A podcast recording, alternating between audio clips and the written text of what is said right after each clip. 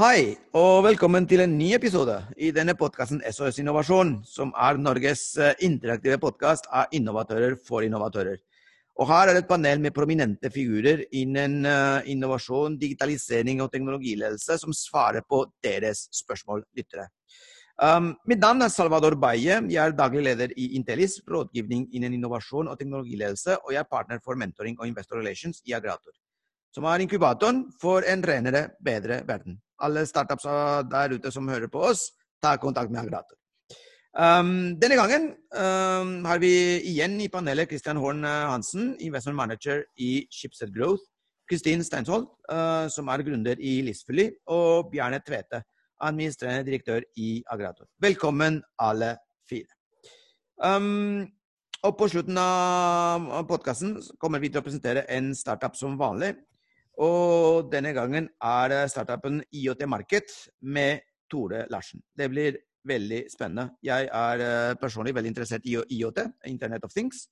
Så det blir interessant å høre på hvordan eh, Tore og IOT Market løser en del, eh, en del utfordringer der. Og husk at dere kan sende dere spørsmål om innovasjon og teknologi på Facebook-gruppen SOS Innovasjon. Eller uh, dere kan kontakte meg via min, uh, min webside salvadorbaye.com slash sosinnovasjon. Og uh, vi kan starte med det første spørsmålet til panelet i dag. Og det er et, og veldig, veldig hardcore spørsmål her. Når bør man produsere hardware i Norge, og når burde man gjøre det i utlandet? Det er, det er tøft, det. Så tenkte jeg kanskje at uh, Bjarne, uh, vi har hatt en del sånne caser uh, i Agrator, der jeg jobber 40% som, ja, som partner for mentoring og investor relations. Har du noen, har du noen tips der? skal man starte med en gang i Norge? Skal man starte i utlandet? Når, når, når, når skal man skifte der? Ja, altså produ Produksjon av hardware er jo, er jo, så ikke sant, når du er klar til, til masseproduksjon. Og det, det, kommer jo an på hvor sikker du er på at det produktet du har eh, er, er det endelige designet, og at du kan, om du skal produsere serier på, på 50 eller 100 eller, eller 100 000. Eh, men bare noen tanker før man kommer dit. Altså, når man skal produsere hardware, eh, og eh, et, hvis det er et helt nytt type produkt, så én eh, måte å begynne å, å, nærme seg og komme fram til det produktet, er jo hvis du, og du kan få gratis utviklingshjelp, er jo hvis du finner et forskningsmiljø som forsker på den tingen, eller har forskning som er veldig godt overlapp med det, det du holder på med, og det du ønsker å utvikle. Eh, så, så, det er da aller første Forskningsmiljø? Mener du eh, Sintef eller noe sånt, eller, eller eh, hva, hva, mener du? Nei, altså Sintef, da må du jo betale. Ja, I know. Det er derfor jeg spurte. Og som gründer så vil man jo betale minst mulig. Ja. Det kan jo være om det er Universitetet i Oslo eller Universitetet på Ås eller i Bergen eller Tromsø. Mm. Mm. Det, er, det, er, jo så. Men, men poenget er hvis, hvis du finner med noen som, som, forsker på områder som er relevant, ikke sant? Og, og, du har et overlapp over det som skal gjøres i forskningsmiljøet, og, og det produktet du ønsker å utvikle, så, kan, så er, er, det det første man, eh, som kan være klokt å se på om man kan utnytte. Du eh, syns, du syns at de forskermiljøene har uh, relevant overlegen erfaring rundt hardware og produksjon? Ja, nei, nei, men det første er jo det, kan, Ikke selve produksjonen, men å komme fram til det produktet som skal produseres. Oh, ja, okay. ikke sant? Det kan være materialer eller hva det er. ikke sant? Om, om det er high-tech-produkt eller det, det, kan jo, hvis, hvis, det er eh, noe som er veldig enkelt, veldig enkelt å beskrive, og, og som ikke bruker noen nye metoder eller materialer, så er det noe annet. Da, da trenger du ikke det. Mm. Men, men, i hvert fall en del av de tingene jeg har jobbet med, er, er high-tech-ting. Ja. Og det er noe, noe helt nytt. Eh, og, og da, da, er det ett trinn sant, på, på, veien fram mot å få det produsert. Og, og neste trinn da, det, det, vil jeg tro i de aller fleste tilfeller, er å, å involvere noen som, som, kan hjelpe deg med å designe og få lagd de første prototypeseriene som også har erfaring med hvordan du skal designe det. Eh, og, eh, og, og, gjøre det på en måte som, som, gjør at det er enklere og billigere å, å produsere og med høyere kvalitet. Og det tenker du, tenker du at designteamet skal sitte i Norge, som altså Apple gjør ikke sant? Designet i California står det på produktene. Mens de er produsert i Kina eller Taiwan og sånn. Ja, altså, um, den, den, delen der, der, er, Med innovasjon så er det jo veldig vanskelig å være kategorisk. Det, det er vel ikke klokt. Men, men, den delen, å designe produktet og, og gjøre det klart for, for, for, masseproduksjon, eller på en måte som gjør at det, det er mulig å, å, produsere et stort antall, der, der, viser jo i hvert fall min erfaring det at det er klokt å ha noen som, man, som er både fysisk nært og eller man kommuniserer veldig klart med. Uh, og, og da, er det, da, er det, oftest at, uh, at, jeg har vært med på å ta det i Norge, f.eks. Og, og bare to eksempler da. altså Én ting er jo en, en, spesialistbedrift som Eggs Design f.eks. som kan ja, det. De er partnere hos, uh, hos de er, jo, de er også partnere hos oss på Agrator, så det er, det er kjempefint. Eh, og en, en, annen bedrift som jeg vet kan det, som også har produksjonskapasitet selv, er jo Produktidé, som, som ligger eh, helt syd på, på Hurumhalvøya. De, okay. de, har også mulighet til å produsere utstyr opp, opp til uh, sånn med, medium størrelse produksjon på hardware. Og, og, til en pris som ikke er veldig mye dyrere enn en, en det, det, du får til i Kina på den type produkt, altså seriestørrelse. Ja vel. Det var veldig gode tips. Kristian, uh, dere i Schibsted uh, jobber ikke så mye med hardware, uh, vil jeg tro. I, I, hvert fall ikke Nei, ja, det stemmer. No, det, stemmer. No, det, meste er blitt elektronisk, rett og slett. Ja. men er det noen av deres, deres startups som, som, driver med hardware, eller har en form for trenger hardware til å levere deres produkt eller deres tjeneste? Ja, en av våre siste investeringer, Homely, de eh, som leverer eh, boligalarmer, eh, de, har, eh, de, har, produksjon. Men de, eh, de, har i praksis outsourcet eh, og kjøper inn fra en større dansk aktør. Ok, ikke Kina, ikke Taiwan, ikke, men Vietnam. Men produksjonen er kanskje, kanskje der. Å oh, ja, ok. Men, men, så du mister, du mister tråden etter, etter Danmark. men, men det er jo klart at liksom, den globale trenden er jo liksom at vareproduksjon flyttes fra høy, høykostland fortsatt til mm. lavkostland. Uh, og det er klart at For en hardware-prosent så blir det jo ofte dette med liksom, Det er et kostnadsspørsmål, og som Bjarne var inne på, liksom kapasitetsspørsmål. Hvem kan mm. levere store kvanta? Um, men, men, uh, men, men, det er jo en nedside ved å gjøre produksjonen ute også. Man kan jo fort bli skadelidende av være seg forsinkelser, produksjonsutfordringer, eh, kommunikasjonsutfordringer. Eh, Tidssoner? I min erfaring. Til og med det er noe så banalt som tidssone ja. kan være et problem. Ja, og, og, fleksibilitet. ikke sant? Mange av disse store aktørene i Østen og, og Øst-Europa de produserer jo for flere selskaper. og de har jo mindre fleksibilitet til å stoppe produksjon for å teste ut nye løsninger hvis du skal, mm. eh, hvis du skal utvikle videre på slik at, Så det er jo, det er jo definitivt liksom, eh, plusser, og, plusser og minuser. Det som blir veldig spennende fremover derimot, syns jeg jo er eh, liksom, hvordan kommer robotisering eh, av produksjon til å på en måte påvirke eh, hva vi gjør hjemme og ute. Eh, fordi i stor grad så velger jo hardware-produsenter å, få, eh, å produsere ute fordi at lønningene i Norge er så høye som de er. Eh, men hva vil en måte Eh, robotisering av produksjonen føre til over tid eh, rundt dette. Og det, det skal bli veldig spennende å, å, å, se.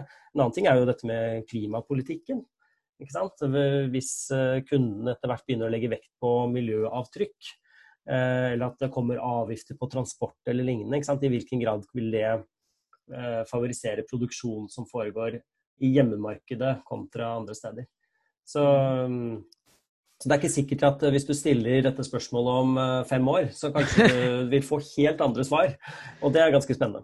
Ja, det er veldig spennende. Jeg husker at uh, da Trump ble valgt, da, Uh, og han begynte å snakke om at det skulle komme altså alle de, de produksjons... Uh, manufacturing jobs da, skulle tilbake til, til, USA. Så skrev jeg en artikkel i E24 hvor jeg sa Trump har ikke forstått at hvis den produksjonen kommer tilbake til USA, så skaper ikke den produksjonen mer, jobb, mer jobber, fordi blir, den produksjonen blir laget av roboter. Og uh, vi har sett at uh, det er ikke blitt så mye effekt av det som Trump uh, lovet. Og jeg tror at mye har med, med akkurat det du sier, Christian. Man, man regner seg fram til at nei, altså vi, vi, Hvis vi får disse jobbene, disse disse, denne produksjonen tilbake til USA. Uansett kommer vi til å bruke maskiner, ikke mennesker. Er, eh, og, da, og det, det, samme skjer i Kina allerede. De bruker, de bruker roboter. Så jeg tror at uh, kostnadsforskjellen uh, blir mindre og mindre.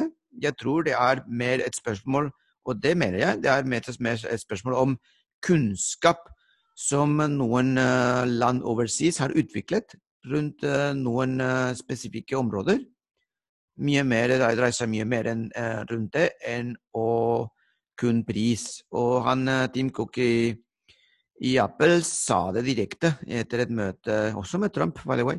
Han sa at eh, mange tror at vi um, produserer i Kina fordi det er billigere. Vi produserer ikke i Kina fordi det er billigere. Vi produserer i Kina fordi det er de eneste som kan dette nå. ja, det er et godt poeng. ikke sant? Så jeg tror at mye, mye av dette med, med, bør man produsere hardware i Norge eller i utlandet, det går tror jeg på hvor ja. korte eller lange serier vi snakker om. Um, det går uh, på hva Bjarne også sa. Uh, vi går, ok, um, um, uh, det er korte og lange serier. Det er også det som um, Bjarne rundt uh, at uh, i hvilken, uh, i, hvilken, fase du er egentlig i den produksjonen om du er i en fase hvor du trenger mer fleksibilitet, eller hvor du er i en fase hvor du vet veldig godt eh, om produktet ditt, og, og det blir mer inkrementell innovasjon, egentlig. Eh, produktinnovasjon. Uh, og det blir mye, som du sier, Kristian, uh, det blir mye tenk på framtiden. Um, og uh, tenk på om, om, det kommer til å lønne seg, ikke bare i dag, men om det kommer til å lønne seg om to-tre år, hvis alle de endringene som EU og andre land prøver eller pusher rundt eh, et grønt skifte krystalliserer seg i en, en, virkelighet. Ikke sant? Kristin, um, hva syns du? Du har ikke så mye erfaring med hardware, da? Jeg har ingen erfaring. ingen? Ingen førstehåndserfaring. Ja. Men jeg syns at uh, både du og Bjarne og Kristian har gitt gode, konkrete råd. Uh, og jeg er, jeg er, jo kjent med at Norge har jo veldig sterke miljøer innen, og arv egentlig innenfor uh, industri, design og hardware. Så mitt eneste råd er jo bare ta kontakt med så mange man kan. Og, mm. og ellers heier jeg veldig på de som satser innenfor hardware, utvikling og, og startups, og tør og klarer å skaffe midler til å, særlig i tidligfasen, å lage proof of concept osv. Så, videre. så jeg heier fra sidelinjen, og heldigvis har ikke den utfordringen selv. Veldig bra. Du har andre utfordringer, de er ikke mindre. Ja, det, det er sant. um, andre spørsmål i dag er hvordan, og det er ganske interessant, hvordan kan man øke antall produkter og tjenester når man som når markedet, istedenfor å forbli i prosjektfase eller dø? Mange ideer, mange produkter og prosjekter som starter, men ikke så mange som ender opp med å bli til et produkt og en tjeneste som, en, som blir kommersialisert. Um, hva syns du, Bjarne? Har du, har du, noen tips der? Nei, altså det, det, det, første der Man kan jo koble inn både erfaring og, og en del marketingteori der. Hvis, hvis, vi tar den bare sånn recap av hva jeg husker av teorien, da. Så eh, hvis man er et, et, et, oppstartsselskap, eller man er noen, et innovasjonsprosjekt som løser noe som oppleves som et kjempestort problem. Så er eh, kundene, altså de du har løst det for, er kjempehappy. Eh, men så går det en periode, så tar man det som en selvfølge. Sånn skal det bare være. Det funker bare. Eh, og, og, da er du nødt til å være å komme med nye løsninger på, på antageligvis da relaterte problemer. Eller, eller, eller noen, noen, ting innenfor din nisje som du kan komme med. Hvis ikke så vil du bli utsatt for, for et uh, prispress uh, fra dine egne kunder, selv om du ikke har noe særlig konkurranse. Fordi mm. hvorfor skal vi betale så mye for det her? Det funker jo hele tiden, ikke sant. Mm. synes det oppleves som et problem, eh, som noen kommer og driver brannslukking på, så kan betalingsviljen være høyere. Eh, men det er også da mye dyrere. ikke sant? Eh, du har en mindre skalerbar business da, hvis du gjør det på den måten. Mm. Så, så øker antall produkter og tjenester. Eh, ref. lim, å være ute hos kundene og, og, og, og, det å være lidenskapelig opptatt på, på, å løse kundens behov og, løse problemer for kunden. Eh, så, så, er det ute å være og sitte fysisk, gjerne fysisk sammen med dem. Ha møter. Se på hvordan de jobber. Hvordan bruker de produktene. Eh, og, og, og, prate om hvordan de, de opplever det, og, og, se hvordan de løser ting. Da vil du også komme opp med nye produktideer. All erfaring tyder på det. Kjempebra. Kristian, uh, hva syns du? Du, ja, det er noe jeg kan litt mer om. Nei, jeg, jeg, snakket med Kristin, vi kan snakke med deg også, Kristin. Kristin, hva syns du? ja, det går helt fint, Kristin. Hva syns du? Jeg var så keen. Ja. Nei, altså, jeg syns at her er uh, er det bare viktig å tørre å lansere noe som du er nesten litt flau over, uh, i hvert fall å begynne med. Um, fordi det er den eneste måten å lære akkurat hva du skal fikse, hva som skal fungere på markedet, og hvilke behov kanskje det ene produktet ikke møter, som du kan da videreutvikle for å møte de behovene. Um, så jeg syns at særlig nordmenn kanskje er litt stolt og er vant til å, å, utvikle ting med veldig høy kvalitet i et marked hvor det er få aktører. Og kanskje mm. høy sannsynlighet at du til og med kommer til å møte folk du kjenner når du er ute på markedet med ditt produkt. Så, så man kan være litt forsiktig, men særlig hvis du jobber med noe som, som når en B2C-marked eller et større internasjonalt marked, hvor det er millionervis av potensielle kunder, så, så tåler du egentlig å hente lærdom fra fra å, å, treffe folk på markedet som ikke er superforelsket i din første løsning. Så det, og det gjør vondt. Altså, vi har jo nettopp vært gjennom dette. Uh, fordi vi, vi, lanserte en gratis versjon, en basic versjon av vårt produkt. Som vi hadde jo jobbet med kunder og, og hadde betalt løsning i Norge osv. Men når vi lanserte nå på et internasjonalt plattform, vi, vi slapp den ut gratis først. Uh, og vi markedsførte den ikke, bare for å lære da, egentlig. Uh, og det vi fant ut, var at forventningene til vårt produkt var høyere uh, der, på det markedet. Og vi fant ut at de hadde litt sånn andre prioriteter enn de norske kundene hadde. Uh, men samtidig, det var veldig, veldig kult, fordi alle tilbakemeldingene vi har fått, både gode og negative, de har vært helt like. Klin like. Hva med du like? At, uh, altså, det de liker De har jo fått uh, Altså, nesten du kunne trodd at alle, altså alle tilbakemeldingene kommer fra samme kunde. Um, så de fleste mener at uh, de elsker design, de elsker konseptet, de elsker ideen. men det var tre konkrete mindre ting, altså features og, og UX, som vi må fikse. Så om vi hadde utviklet produktet vårt videre basert på hva vi trodde, for kanskje et halvt år siden kundene ville ha mest, så ville vi da kanskje ikke lykkes fordi vi hadde prioritert litt feil. Og da hadde vi kanskje ikke lyktes så mye med konvertering til salg som vi er ganske mm. sikre vi kommer til å gjøre seinere i år. Så nå jobber vi på spreng med de tre tingene. Uh, og da, da, har vi mer trygghet at vi kan skalere dette produktet. Vi vet at det er bra. Uh, vi kan da bygge videre på det og de erfaringene. Uh, og få ikke minst ressurser for å få inntekter fra, fra det ene produktet for å fortsette å bygge. Um, så vi har to kunder som ga oss dårlig review på, på Shopify, og det er utrolig vondt. Uh, men jeg gleder meg til å ta kontakt med de to og si nå har vi gjort de to ting, de tre tingene dere er opptatt av. Eh, og alle de andre tilbakemeldingene har vært så gode at man har trygghet og man har tro på produktet sitt. Ja. Så det er jo mitt råd.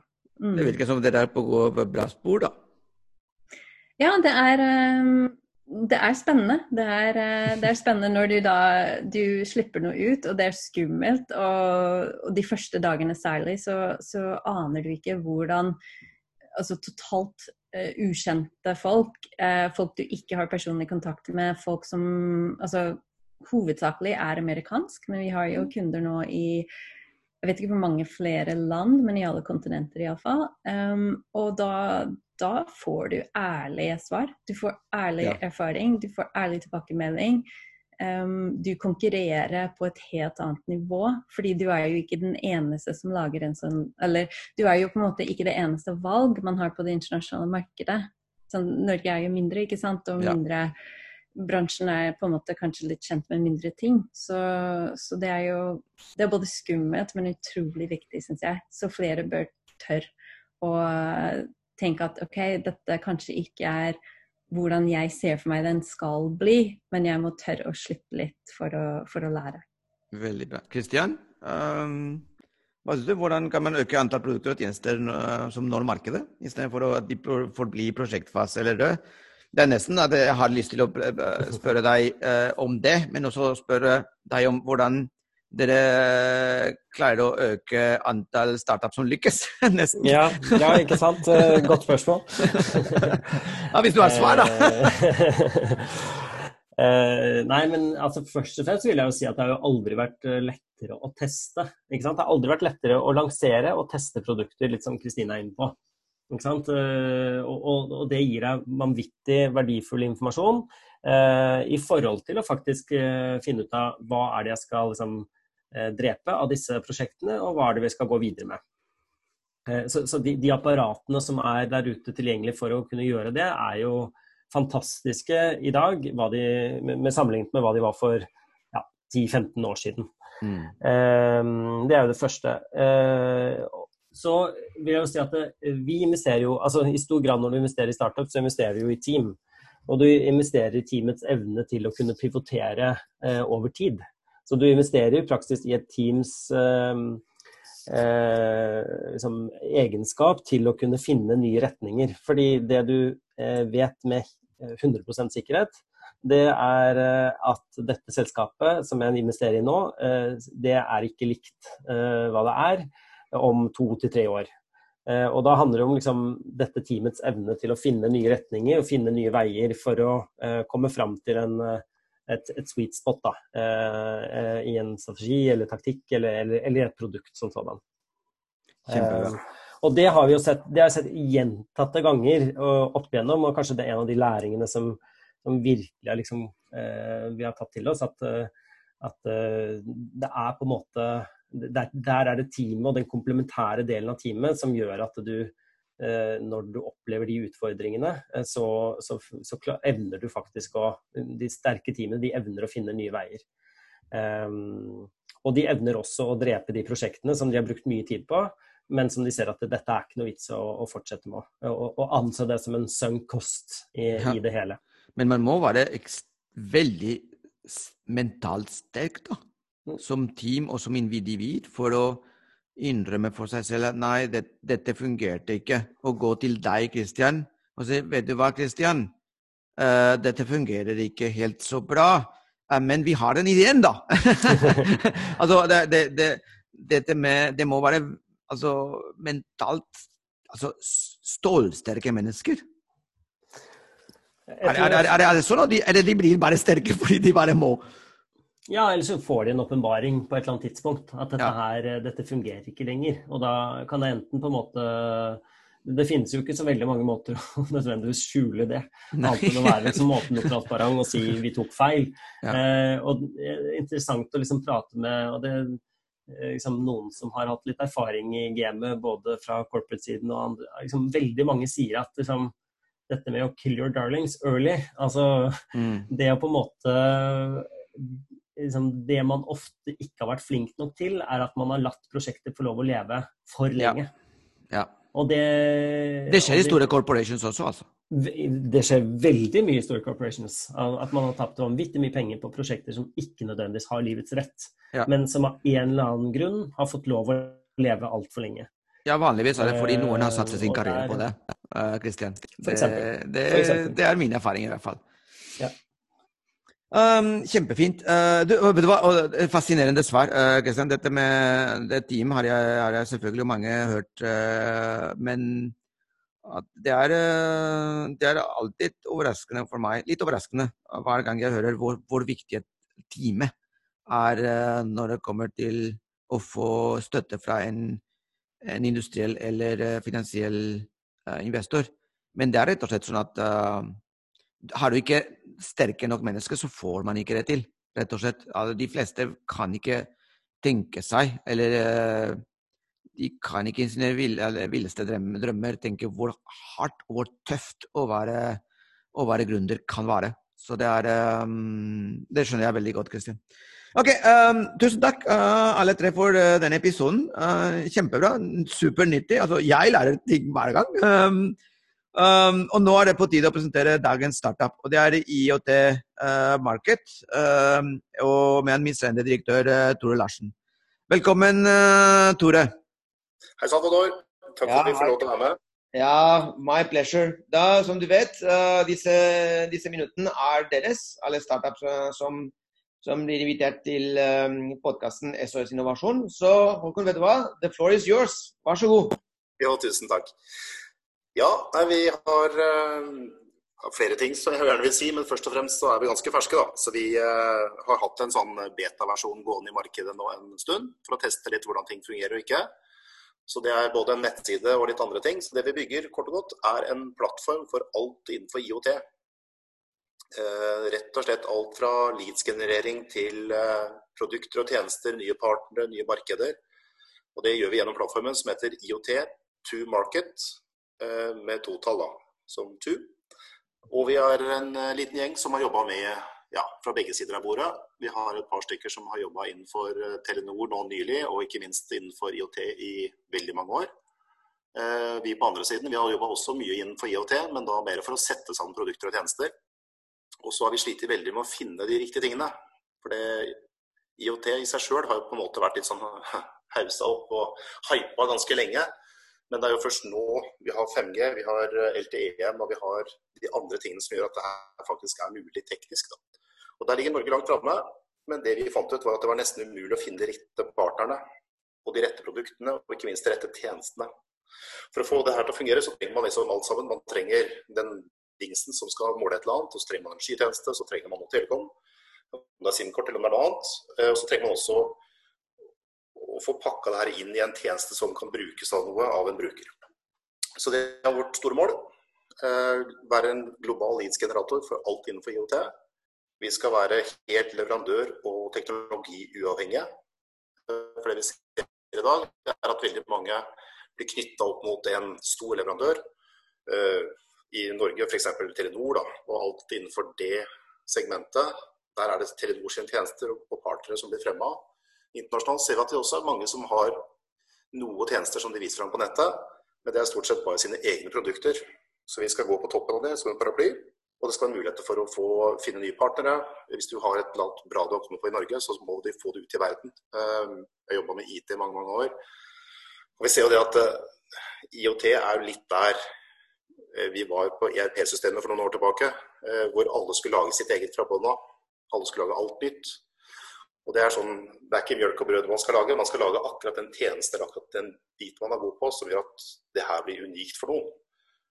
akkurat hvordan du skal løse de andre tingene, om det er da selve tjenesten, produktet eller eh, telekom-biten, det er det ofte andre som kan bedre enn oss.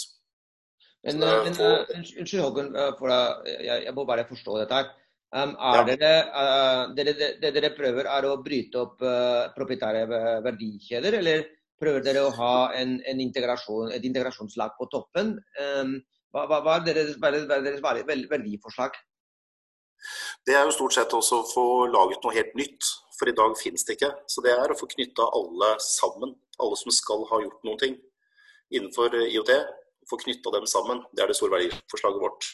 Okay. Et, sted kan, et, sted du kan, finne produkter og tjenester og partnere, og ikke minst nye markeder. Så en ren leads-generator når vi kommer over kritisk masse. Oh, ja, okay. Så hvis du f.eks. Eh, i all enkelhet da, en kommune eller en bedrift tenker at ok, nå trenger vi en, en tjeneste for å vite når søppelkassa er full og skal tømmes, eller eh, ja, et eller annet sånt, da. så er det i dag ikke noe sted man kan gå. Du kan sitte og google deg frem og tilbake, men du vet liksom ikke helt hvilke leverandører fins. Og så finnes det noen leverandører i Norge. Og så er det noen store globale spillere som er liksom i mange markeder. Men så er det hva dette her henger sammen igjen. Det er det vanskelig å finne ut av.